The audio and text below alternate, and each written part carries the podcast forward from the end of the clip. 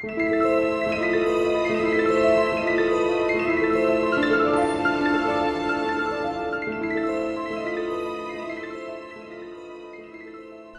til Forlæst, podcasten, hvor vi lytter os tilbage i tiden på jagt efter de fortællinger, som stadig kan vækkes til live. Mit navn er Bjarke Sølverbæk, og jeg er din rejsefører gennem den danske litteraturhistorie. I dette afsnit fortsætter vi vores rejse gennem Johannes V. Jensens myter. Denne gang læser vi en af de længste, han skrev, Dansk Natur. God fornøjelse.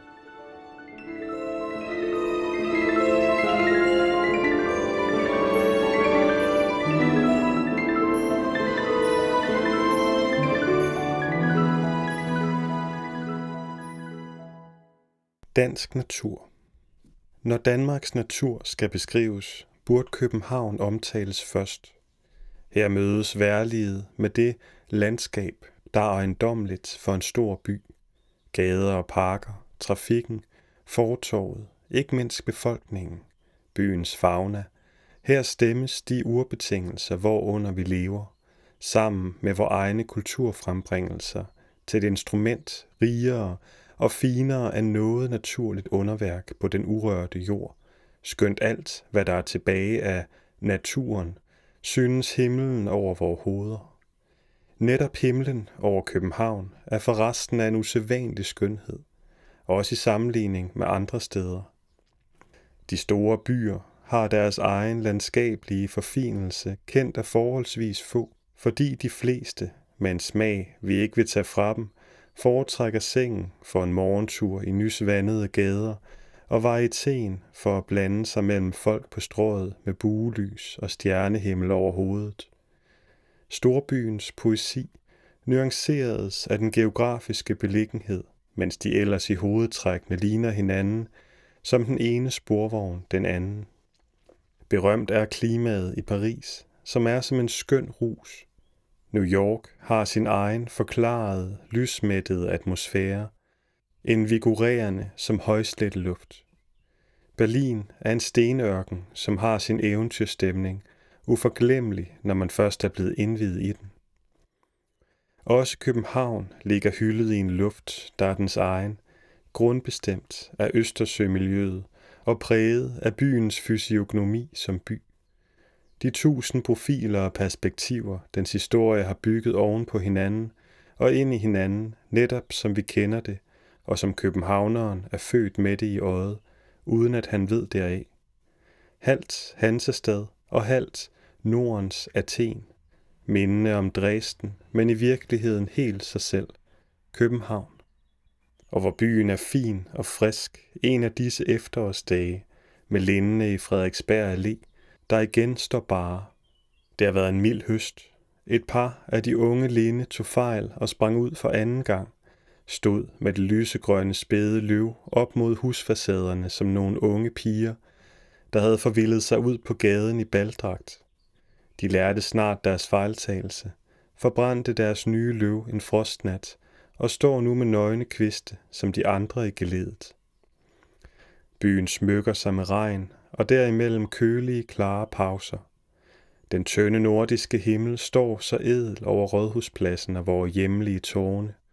Belysningen er allerede mærket af den flade solbane, selv midt på dagen kun sidelys og ikke meget deraf. Men jeg tror, man er gladere for et glimt af den svage fjerne sol, end når man glemsomst har den lige over hovedet. Luften er så ren og stærk, Tårne ligger åbne og vellugtende efter natteregn. Amager tår bag springvandet med et væld af våde blomster. Georginer, krysantemum, lette blå asters. Og i baggrunden slottet under nybygning. Sporvognene hinsides kanalen. Blå vandreflekser fra brostenene og nye regnskyer slæbende ind fra Amager. Eller gammel strand med fiskerbådene sparkede sejl, hvis kraftige brune farve – står så godt til murens okker over på Thorvaldsens museum, at man næsten synes, man kan smage det. Hyttefadene med den levende fisk, torsk og rødspætter, svømmende nede i kanalens grønne lysbrydende saltvand. De valne folk, der færdedes der. Nu skal dette erhverdige stykke København jo snart til at forsvinde til fordel for en ny, moderne fiskehal. Lykkelig den, der har set det gamle, og som skal se det nye, der kommer i stedet med. Videre strækker København sig, under kolde byer og i det sparsomme solskin, Bredgade, Lange Linje, skibene og forterne, Sveriges kyst. Kirkegårdene med al den forfængelige travrighed, men med løvfaldet, som er så ægte. Vildvinens leverede kaskader, lønnens gule krone, der ser ud som et stille vanvid. Roserne på graven, der har fået rim og er blevet syge. Oktobers sorte blå nætter og spraglede kolde farver om dagen falder gralt i øjnene på kirkegården, hvor vegetationen er så uhyggelig frodig, man kommer til at tænke på helt dødsrigets hvert ene, hvis kød skal spille i alle et blåt øjes kulør, fra sort som jord til det livligste salamander ildgule, hele mineralrigets og kuldens anløbende pagt. Men er naturen angrebet i sit inderste, der byder årstiden os til gengæld et overflødighedshorn af al den sødme og næring, solen øslede med i det par flygtige sommermåneder. Butikkerne buner med frugt, gråpærer med spindelvæv, selve den flyvende sommer, siddende inde i resterne af blomsterbunden, syrlige skøre æbler, blommer med alle blåsyrens hemmeligheder i smagen, den bitre kerne, hvis aroma minder mig om Kina, nødder endnu siddende i haserne og duften af muld, en essens af skov og tordenregn og planternes ramme blod. Hele denne svulmende natur mort nærer endnu en gang ved hvad man erindrer, hvad der er svunden, jordbærtid, hindbærtid, tyttebærtid, og videre strækker sig København, blid som en by, der har oplevet det hele før og er fattet på vinteren.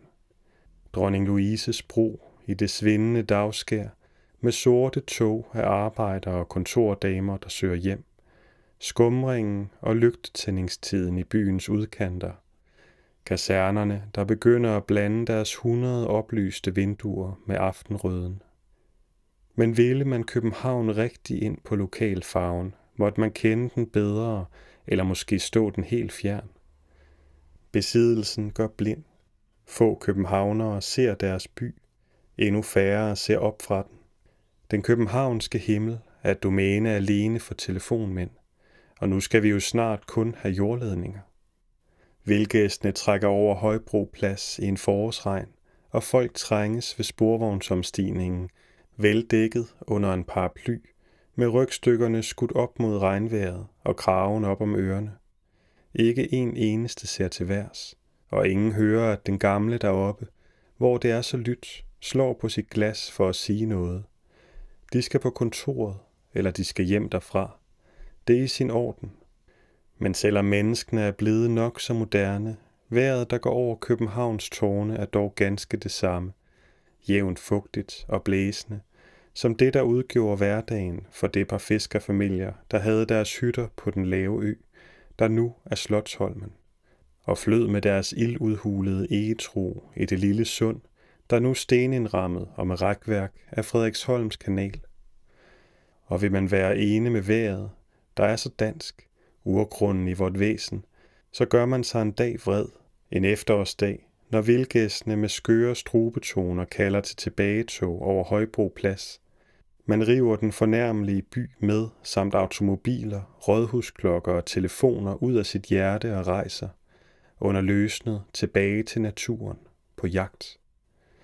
Ude i Storebælt ligger en ø, ikke større af omfang, end at der kun lever én familie på den, men vidt løftig nok til, at den med sine spredte rester af gammel skov, sine lerede brinker i den ene ende og brakke overdrev i den anden, med sine rullesten i stranden og højt liggende jord, sin nåleplantage, og lyng et sted, udgør et billede i det små af landskabet, som det med lette variationer er på alle de danske øer.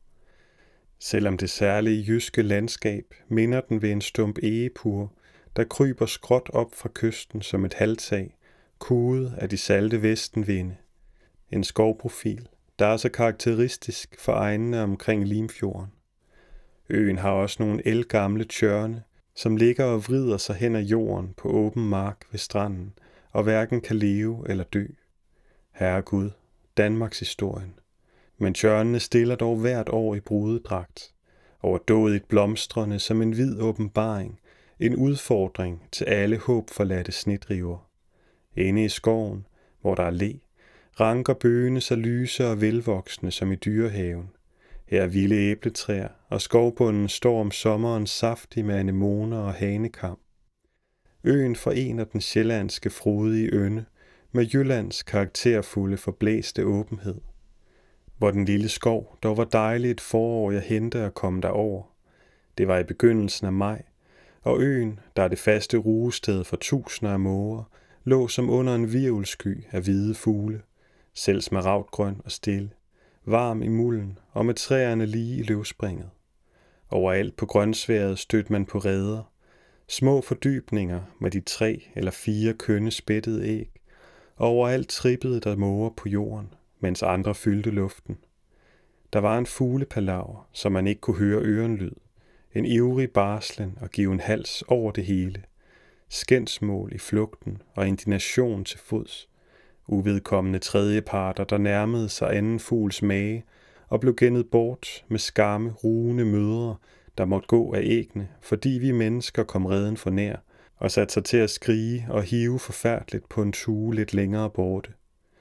Det er den samme smukke hvide fugl, der følger færgerne over bæltet, og forresten alle vores dammskibe så regelmæssigt, som var den pensionær af DFD. Den utrættelige flyvende, på bølgeskummet trippende, altid sultne, altid skibet på ny indhentende, hvidbrystede, nydelige måge. Og det er den samme, der har indrettet sig som stamgæst om vinteren midt inde i storbyen, ved søerne i København. Nu er det imidlertid alle sværmet tilbage til naturen, har sat hinanden stævne på en øde ø i et meget vigtigt anlæggende. Så vidt er de der endnu ikke nået, at de ruer på færgen eller stepper paringsdansen inde på Dr. Louises bro. Men det kommer nok. Helt uden vederlag nyder mågen ikke gæstfriheden inde i byen. Der er sørget for ligevægt ved at en procent af mågens æg hvert forår samles og sendes ind til byen, hvor de spises som vibeæg og tjener til at give kendere den krydrede smag på tungen, der nu er deres forårsfornemmelse. Øen står under forplantningens tegn, men først et ord om dyrelivet i almindelighed. Øen udgør en gård, der drives af en forpagter, men den ejes af et selskab inden for København, som ligger på landet der efter tur om sommeren og dyrker jagten om efteråret. Der er tykt med hare, men ingen høns og ingen ræve. Derimod udsatte fasaner, som består godt, og åndetræk ved lagunerne i stranden. Mange rovfugle ses, navnlig musvåger og alle de mindre fugle, spætter, solsorter etc., uden naturligvis kraven. Pindsvin og mulvarp fattes, men til gengæld er øen undermineret af vandrotter, mosegrise, hvor der rimeligvis findes 10.000, skønt man sjældent ser dem, men hvert øjeblik træder ned i deres gange. Alle disse dyr har travlt med at blive flere om foråret, og helst på hinandens bekostning, også indbyrdes. Hede kampe leveres inden for samme art, stor bryllupsvals opføres, og andre dyr fortæres til barselmad, og resultatet, ægne eller de nyfødte unger, går i spiserøret på en tredje skabning. Og alle trives vel derved. Naturen giver altid overskud. Haren er så travl. Man ser to-tre ramlere smutte ud og ind af buskaget i hælene på hinanden. Troligt bagefter den uanselige og ret koldsindige lille dame, hvis mindste lune det nu pludselig er blevet livet om at gøre og passe på. Og den ellers så tavse gnaver siger noget, man hører om strutte og småsnorke kvalt, men meget talende, for at bringe sin fortræffelighed i erindring. I de lange lyse aftener, hvor varmedisen stiger fra græsset, og nattergalen sidder og laver smeltende tropemusik i buskene, hører man det bløde slag i marken og Mortens poter ud og ind mellem træerne, og hans tungnemme kælende prusten i knorhårene. Utrætteligt banker han på, og mod natten træffer mutter vel sit valg. Er plausibelt hensyn den stærkeste. I hvert fald var det ikke længere, før man kan finde en lille allerkæreste nyfødning af en hareunge et eller andet sted i skoven, hvor den er kommet til at dø, sådan en som den Lundby tegnede. Eller det hænder, når man overrasker musvågen i færd med at lette for skovbrynet og hejse sig til værs med disse svære, vadende vingeslag, der får kroppen til at rokke i luften. At den alt for optaget af sin flugt lader noget falde, der lander lige foran vores fødder, og viser sig at være en af de spæde harekillinger, endnu varm og med blodet piplende ud af den lille bitte gnaversnude. Man kan se, at rovfuglen har haft den om halsen med et kvælertag, der har sat dybe mærker af kloen. Killingen har ikke lignet det visne græs nok, hvor i den lå forputtet og er blevet set. Det er mere underligt, at nogle af dem i det hele taget undgår musvågens funklende øje. Men det gør der, siden der jo altid er gamle, der overlever alle efterstræbelserne og hvert år laver i stand til afkom. Det nye kul skal frem. Skoven ved det, solen ved det. I espalieret ligger solsorten på æg, mens han sidder op på skorstenen og forlyster hende og alverden med sang. Inde i skoven bygger stærene i det vilde æbletræ, hvor en gren er rødnet ud, så der er blevet et hul. Man ser den raske fugl stikke hovedet ud og tit sig om, hvorpå den i stærk lige flugt søger bort efter føde. Et kvart minut efter kommer magen hjem og styrter sig i fuld flugt ind i reden, rammer det lille hul som en kugle i pletten, for stæren må ikke dø. Ja, hvor det forår på øen var dejligt, er en grøde fuld sødme, en dyb rolighed, som kun i Danmark. Hvis der ikke tilfældigt havde været det par mennesker på øen, ville skoven, hav og himmel have udfoldet sit under alligevel, i ensomhed med solen. Tiden skulle nok være gået uden os. Nu faldt de i vor lod og dele dagens forgængelighed med den unge skov. Der var så lunt og duftende derinde, som et bad i lys mellem de solede, nyudsprungne træer. Luften er jo varm, ligger og glider i formiddagssolen, og derimellem går kølige pust fra de friske træer. De svale bøge står højt op i det blå med de lysende grønne kroner og breder ligesom et telt af dukket æder omkring sig. Hvor de nederste grene hænger ned mod underskoven, lyser de luftigt med vandret udbredte løvflager, endnu med knopskældene ved og bladene fugtige og foldede efter svøbet. Disse hænder bøen rækker ud, dette gyldne velkommen i skoven skal vi opleve. Hvor mange gange? Stille. Her er ingen tummel, ingen veje, ingen medmennesker, kun dyrenes enfoldige pusleri, træernes ånde og kornet, der står som en grøn sø og drikker solskin. Udenom vor lille verden strækker sig det åbne blå bælt, hister her ganske blankt med spejlinger af klodeskyerne i sit dyb. Andre steder milevidt borte, liggende med hvidlige briser mod syd blændet i et med solen. I synskredsen øjnes en diset stribe, det fjerne land, Toppen af Sprogø med fyret hænger som en fast kending af jorden. I alt dette lysblandede, sammenspejlede himmel og hav, og langt, langt borte står røgen efter en damper, som det lette spor af en finger på himmelranden. Selve landskabet på øen har en ældre stemning, end man ellers er vant til i Danmark, hvor det intense landbrug er i færd med at bortnivellere alle oprindelige træk, ikke mindst i befolkningens karakter. Her på den afsides ø har krattet noget af den vilde duft, som man kan tænke sig engang har hersket i den uberørte skov, der i fortiden dækkede det meste af landet. Hister her afbrudt af heder, moser og de små lysninger inde ved fjordene og åerne, hvor bebyggelsen begyndte. Hvor kæmpehøje er mindesmærker om disse pionerdage, da forfædrene kom vandvejen ind gennem de tykke skove og opslog deres jægerhytter i den første, den bedste vi, hvor der var lunt, hjort og bjørn i nærheden, og vilde bier i kaprifolierne over de urgamle veksler og dyrestiger gennem skoven. På øen er der nu ingen gravhøje, men der skal have været et par. Også her er manden med stenøksen landet og har fundet sig til rette. Derimod flyder der nu med de store kampesten, vandreblokke, både i stranden og op på land der klæder et terræn så godt, men som for længst er spaltet ud alle andre steder, og nu stikker i murene på vores firkantede, solide gårde. Og det er som om øen i selve sin linje har bevaret erindringen om skabelsen, den store istid. Den bredere og bakker sig så frisk op af havet, som var det i går, de kræfter var i bevægelse, der med rund hånd har strøget de danske øer i bølgerne og givet os vores lave hjem at bo på, og den altid våde luft og ånd i. Der gør os lidt klamme, men nu engang smager bedre end nogen anden luft.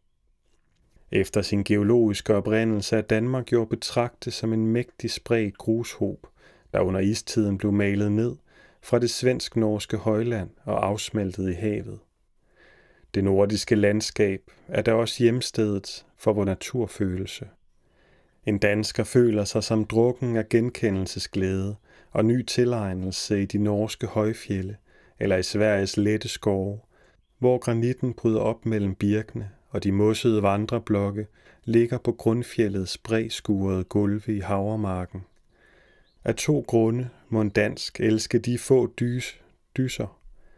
Af to grunde må en dansk elske de få dyser og jættestuer, vi endnu har i vort ellers så kultureroderede landskab, fordi de er vores forfædres grave og til lige urtypen på et hus, og så fordi de er bygget af vandreblokke endnu den dag i dag, furede af isen, som brød dem fra deres sted oppe på Dovre og strøede dem hernede på sletterne efter tøbruddet. Et sådan gammelt tingsted ligger i den smilende danske natur som en stump nordisk urlandskab, gerne med en levning af vild og hårdfør vegetation, hyben, slåen, regnfang, der leder tanken hen på vor kulturs barndom, hvor bedste ånder, øens lærer, Lundby, fattede den stemning, der lå i disse mindesmærker. Siden er den blevet til et tomt symbol, som man genfinder på almanakker eller som mærke på andre af den danske ånds fængsler. Men en smule tilegnelse af geologiens og arkeologiens første begreber gengiver os tingstedet, med hele den ganske aktuelle stemningsrigdom, der ligger der i. Disse monumenter er mere værd end størstedelen af vores skrevne smertens historie – og må aldrig forgå. De knytter os til Norden. Der ligger i vor istidsoprindelse en ny storslået begrundelse af Gefions-myten, og det skulle der være tænkt på, da man stillede tyrespringvandet op ude på lange linje. Her kunne der, foruden det i øvrigt fortræffelige motiv fra et dyrskue, have været komponeret et billede af Danmarks tilblivelseshistorie. Ikke det par kampesten, der ligger i bassinet, men et slot af blokke, som dem bræen byggede, med huler og omkogt af vand. Tøbrudet, Søndfloden, det nøgne Sjælland med kampesten på brystet, drivende af hvede og i færd med at klæde sig i den første kolde flora, mos, lyng og enebær, dværgbirk, og på sydsiden en lille røn med glade røde bær. Når der skal være monument, var dette i virkeligheden stil – men ellers er en tur til Norge og Sverige bedre. Det danske landskab, der er så kvæne og dejligt, vinder ikke sit salt, sjælen, før man har været nordpå og fundet bekræftelse på, hvor det stammer fra. Den mindste lille rundslæbende skærve af rumpe på fyr, vi finder på landevejen, har haft sit moderleje oppe i Viens klipper. De jyske heder visker om højfjeldsplatorerne, viderne, som det hedder, oppe i det indre Norge. Dværgaspen i danske moser skælver med drømme om eltrakterne i Midtsverige, Tiveden og de store søer. Selve årstidernes rige skiften i Danmark er en atter og atter gentaget tilbagevenden til vor naturs nordiske oprindelse. Denne stemning af fortid og af slægtskab med højnorden, kilden til vor guldalders poesi, slår en i møde på øen. Men hvor man så færdes på øen, hører man nu og da mere og mindre tydeligt, eftersom brisen står, ligesom en undersøisk, meget dyr duren. En vibration, der kan udgå fra himlen eller fra havet, eller fra jordens indre, som selve klodens dunkle, kolossale sommersang. Det er færgen. Færgen mellem Korsør og Nyborg. Den høres over hele Storebælt, selvom den er så langt borte, under søens runding, at den ikke kan øjnes. Kulturen fylder lidt under åben himmel. Rummet sluger vores små ting. Man behøver kun at fjerne sig et par mil fra en kæmpemæssig damper, så er den som et støvgræn i horisonten. Men hvor den dybe tone fra færgens maskiner alligevel minder. Urolig som hjertet i sommerdagen. Man kommer til at forestille sig den så levende. Korsør, København. Og man sidder nu dejligt uden for en af caféerne med solsejlet over hovedet, lige ved fortovskanten, hvor strømmen af alle mennesker defilerer forbi. Eller Berlin i maj. Paris, mente jeg. Nej, Stockholm. Skærgården. Så er man rejst fra øen, og foråret er forbrudt, og det er alt sammen længe siden. Men det nye kul er blevet voksent, og nu, på en passende efterårstid, skal vildtet skatte for logi og fredning. Idyllen er forbi. Nu kommer tragedien. Vi var fem fugle jægersmænd, der en skummel novembermorgen gik i korsørtoget med bøsser og madpose. Inden middag var vi med motorbåd over på øen, og nu kom to dommens dage for det hjemfaldende krig. Jeg ved ikke, hvorfor man straks skal kalde sig jæger, fordi man får en bøsse i hånden. Men det ved jeg, at dyrene ophører at have væsen, bliver til blot hårvildt og fjervildt, når jagten er inde. Ellers tror jeg ikke, man gad gå ud og ombringe sine værvesløse venner. Så længe man spiser kød, gælder krigen i midlertid. Og det er kun feminister, der ikke kan fælde, hvad der skal fælles. Endnu gives der ingen anden metode til at undlive et dyr, end ved at dræbe det. Altså røgfrit krudt og havl nummer 3, og er første løb ikke nok, så giv øjeblikkeligt andet. Skræber haren endnu, så går den personligt på pelsen til den tiger. Pines skal den sgu ikke. Hun er ikke nødvendig på øen. Vi trampede haren op selv, hver for sig eller i kæde. Den første dag stak paradis dem endnu i sulet. De lettede tidligt og strøg afsted med disse uskyldige, lydløse harehop, ud og ind mellem risene. Men anden dagen trykkede de sig til det yderste og gav hele flugtrepertoiret, når de måtte op. Lavt og pilsnart det første stykke med ørerne lagt ned, og skrutrykkede som skoledrenge for en lussing, søgende dækning af et halmstrå. Og siden, når de nåede længere ud, det rigtige sanseløse firspring, hvor bagbenene kommer langt frem for forparten i hvert sæt. Så skal man alligevel være lidt fingernem for at give dem det, der får dem til at flyve på hovedet i marken og op igen i en koldbøtte tre-fire gange deres egen længde frem, inden farten er af dem.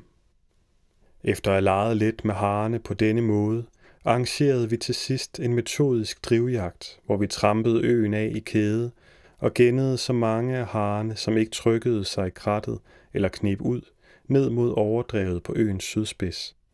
Da vi endelig nærmede os fælleden, var det et virkelig spændende syn at se de mange harer gå i lange pilende baner i forskellige retninger, alle bort fra os, så længe det endnu varede. Slaget stod så derude, og der blev jo ikke givet pardon. Forbavsende var det at lægge mærke til harens maskeringsevne.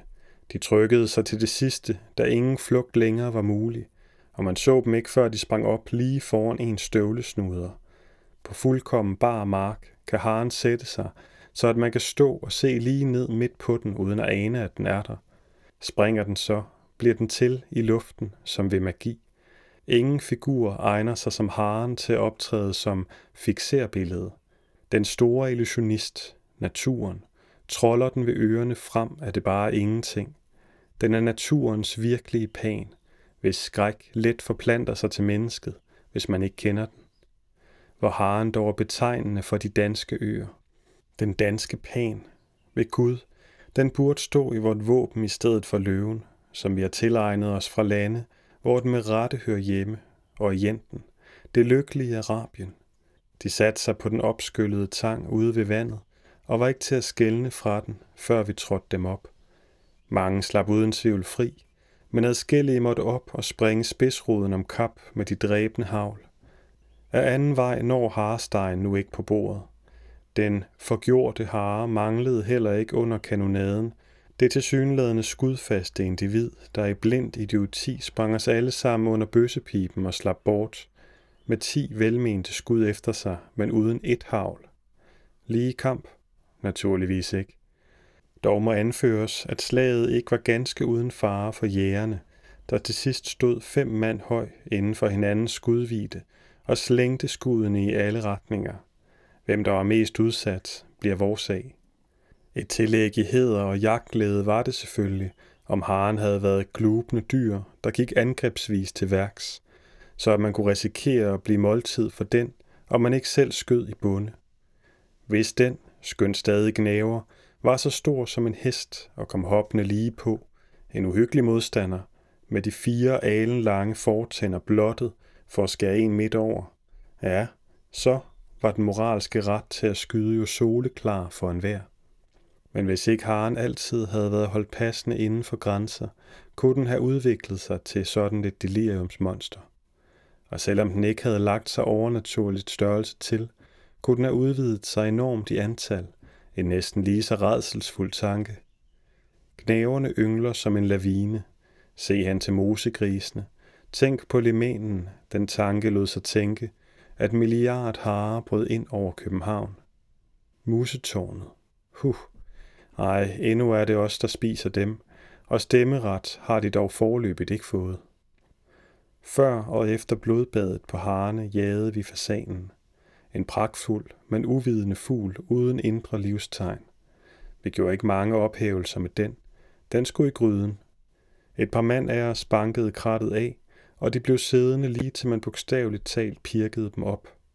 Og resten stod udenfor og knaldede dem ned, når de var kommet på vingen. En malig og meget tilfredsstillende jagt. Interessant i disse flyveteknikkens tider var det at lægge mærke til fasanens færdighed. Den kan fra et uigennemtrængeligt krat rejse sig lodret til værs som udskudt af en katapult, og i den første lige flugt sviger den ud af øjemål i et nu. Plukket præsenterer den sig da også som et uhyre tvillingmuskel med resten af kroppen og lemmerne siddende ved som et forholdsvis forsvindende tilbehør. Vingerne har kostet fasanen den sjæl, men den er køn og udgør et godt måltid. The Bag, 46 harer, 13 fasankokke og en høne, skudt ved våde. To pibeænder, hentet ned en skyet aften, hvor der ikke var stort andet at holde til end vingesuset. Vermin, en hø og to kraver. Dem nedlagde jeg. I hævn gav jeg rendring om andre lejligheder, hvor den snille og altid overvågende rakkerfugl havde holdt mig for nar. Den ene skød jeg ved at gå bag ved forpagterens vogn, til at komme på godt hold. Rå benyttelse af overhånd. Men den kom ikke hjem i kraverigsdagen og meldte det. Den anden lokkede jeg ned ved prober svig. I det jeg stillede mig under en busk og efterlignede kravemålet, sagbro, sagbro, til en mindre fagforening virkelig svingede ned for at investigere og mistede fløjmanden. Gud, hvor de skrålede op og gjorde i stand til mistillidsvotum, da de var kommet vel uden for skudvide. De rejste resten af kravebefolkningen på øen og mortificerede sig ved koring. Hele mødet gik en halv mil til værs over mit syndige hoved og fyldte himlene med skældsord til intetgørende resolutioner. Og da de havde skrevet deres vrede rigtig op i højden, så jeg dem flyve bort, alle sammen på én gang, sagtens over til fastlandet, for at angive mig for endnu flere og få mig totalt blokeret. Samme dag tog vi hjem. Det havde været to skønne milde efterårsdage. Endnu så sent som i begyndelsen af november stod skoven med næsten alle sine blade, men spillende i gult og korbrunt. Stilheden inden under træerne var en anden end den om foråret, en dobbelt opløsningens og mindets. Enkelte blade løsnede sig af sig selv højt oppe og kom dalende ned som små faldskærme virende modløs om den brudte stilk. Vi falder og forgår. Men sommeren var ikke helt svunden. Regnfang blomstrede endnu med de smukke gule skærme og enkelte forsinkede rølliker og præstekraver, som det milde vejr lukkede frem af rødskuddene. Ellers stod blomsterne visne på stubmarken, buren med våde gabende frøstande, skrappen, rustrød og stiv, men endnu i hele sin form. Roerne var i færd med at blive taget op – de hule bump af dem i bunden af vognen, når bunden læser af høstens sidste musik. En klang som frosne jordklumper på kistelåget. Godt, det er forbi. Tanken klamrer sig til fremtid og fortid, Mens jeg færdes over de åbne pløjemarker, havde jeg samlet en del flintsager op. Grove skrabere og flækker, der åbenbart skrev sig fra bopladser i stenalderen. Muligvis kun én boplads, da de alle lod til at være samme type, og måske stammede fra en bestemt mands hånd. De var alle hugget af en særlig slags lysegrå flint. Hvem var han? Hvordan så den mand ud, der var søgt ene herover til den lille ø, en gang for et par tusind år siden? Hans mørke var det, der ruede uden for vinduerne om aftenen, når vi var kommet i hus. Det var hans sorte nat derude. Mulmet, som lyset fra ruderne dannede tunneller ud i, som i et fast stof. Her i stak hans væsen. Han havde det ensomt. Han ragede omkring i høstnætter som denne. Gik man udenfor, susede den gravmørke skov en i møde. Ovenover stod Karlsvognen, men langt borte rakte den varme lysning fra en oplyst by sig som en arm ud over bæltet. Det var Korsør. Tilbage til byen. Motorbåden hentede os med den samme besætning, som færgede os ud. En gammel fisker eller skipper og hans voksne søn. Jeg tror, de hed Jensen. Dagen var kold, med en ær til stænkende bitter regn, og blæsten gik til marv og ben herude på det åbne vand. Men den gamle, han kunne vel være 70, sad under hele turen op på ruffet, uden flere klæder på, end det vadmelsæt, han gik i hjemme. Sønnen rakte ham en klam stortrøje, men han tog den end ikke på. Nåedes med at hænge den over den ene skulder mod vindhjørnet. Han var ikke redsen, som man siger på jysk. Jo mere man så på den gamles hoved, des mere faldt man i forundring. Ikke så meget over ham, som over hans type. Han havde tydeligt nok været rød. Skaboen, Krøyer, Berg, Bjørnsson, L.C. Nielsen. Men nu var fuldskægget falmet af til en hvidgulig tone, der stod groft til de værbitte fuldkommen kornblå kinder og de små vildsvineøjne, blegblå, med et meget hvidt skær i resten af øjeæblet, der gjorde blikket ejendomligt vast, når han flyttede det. Udtrykket var ikke barskt og heller ikke blidt. Han var ikke noget for nogen, sagde forresten heller ingenting. Det gamle stærke hoved tog sig ordentligt velafstemt ud på den huggende båd, med søen og regnskyerne som baggrund. Jeg måtte tænke på Drakmans fisker, der tørrede de skumvåde kinder. Han havde dette våde ansigt saltvandet giver, grov hud med store valne porer, og de blakkede hænder syntes sig at ligge i blød. Vandet var hans element. Under farten sad han i sine egne betragtninger og så sig om, lod det blå og hvide blik strejfe ind mod land, eller Gud ved, om han egentlig tænkte. Han var vel bare søen, sådan som han skabte sig i dag. Regnen og kysten derinde, der strakt sig lav og i lange linjer med hegn langs vejene. Blåbrun skov og fine violette agerfelter, som er Johannes Larsens akvarel. Jo, han var noget i forgrunden af et billede. Og en smuk idé var det, at sønnen var sat ved siden af, ravende kun med hovedet op af motorhullet. Et ungt, fast ansigt med faderens træk. Den gamle, der ikke dør. Længe grundede jeg over, hvad der ville kunne foregå i denne skippersjæl, hvad han sad og regnede sammen med sin tilværelse og nuet. Men han forblev lukket for mig. Jeg kunne se på hans øjne, når enderne lettede et sted langt forud i bæltet, og strøg afsted lavt over bølgerne med denne kraftige stindeflugt, der ser ud, som om de fløj efter en snor. Hans blik fulgte dem. De var i hans pupiller. Men hvad tænkte han der ved? En gang, da han med den valne hånd halede pipen op af lommen, og foret ville følge med, sådan som det altid gør, når man er våd, syntes jeg, at vi et øjeblik måtte føle ens. I det var der et menneskeligt fællesskab, men ellers ville han ikke komme. At han var landets almindelige fisker og bondetype så jeg nok, og også repræsenteret højere op ved lighed med de kendte mænd, jeg før har nævnt. At folk som han boede ved Limfjorden, og i Sverige havde jeg set, men han forekom mig at give nøglen til mere. Så meget forstod jeg, at den, der så med hans øjne, så hvad der var. I ham stak vor reserve. Da pludselig, som jeg famler med mine flintflækker i lommen, slår det mig, at det er ham. Ja, det er den ensomme på øen, stenaldermanden med de mørke netter i sjælen. Anderledes så vores ældste forfædre ikke ud. Også de var søen og regnen.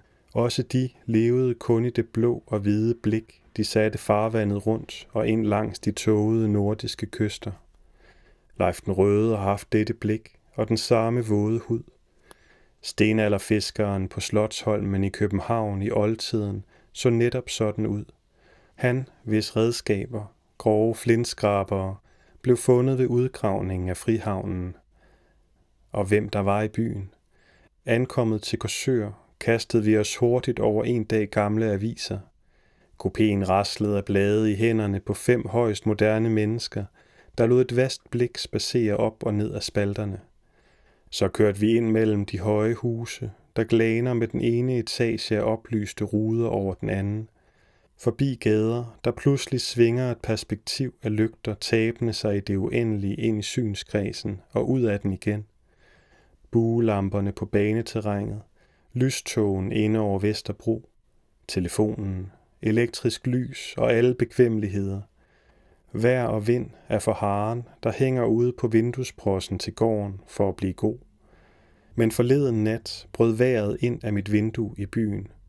Bogstaveligt talt, så glasgård og sne knaldede hen ad gulvet.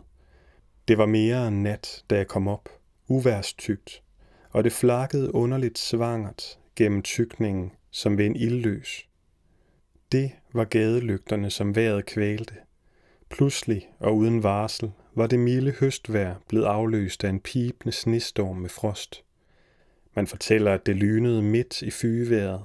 En glimrende og meget ukendt kombination. Da man kom ud om morgenen, lå København hvid og festlig i sit vinterskrud. Træer var blæst om, og telegrafen meldte om strandinger og togstansninger. For så vidt den der ikke selv var væltet. Hvor ene nu var urtidsmørkt de lange nætter på øen. Men sneen blev kun liggende et par dage, så indtraf det milde våde vejr igen, uge efter uge, nu og der afbrudt af en storm, der meldte forlis ved kysten og oversvømmelser i provinsen. December, januar gik med lukket regntung himmel og altid pjaskvåde gader. Stadig den samme bløde luft og fugtmættede blæst. Nulpunkt, tåge, stadig tøbrud og skumle dage, koldt træk i den åbne skov og vindens langtrukne tuden i dørene hjemme. Endnu efter at solen, når den en sjælden formiddag glimter frem, allerede er kommet synligt til værs på sydhimlen, er det det samme frostfri blæse og tågevejr, den samme søndflodsluft, der måske med et forbigående lune af is og sne vil gå over i vort langsomme, urolige og fremdeles våde forår. Til solen og højsommeren igen trænger virkelig igennem. Sådan, med små variationer, er året hos os. Sådan blev vores fædre mærket deraf, og lad dem, der kommer efter os, aldrig finde det anderledes.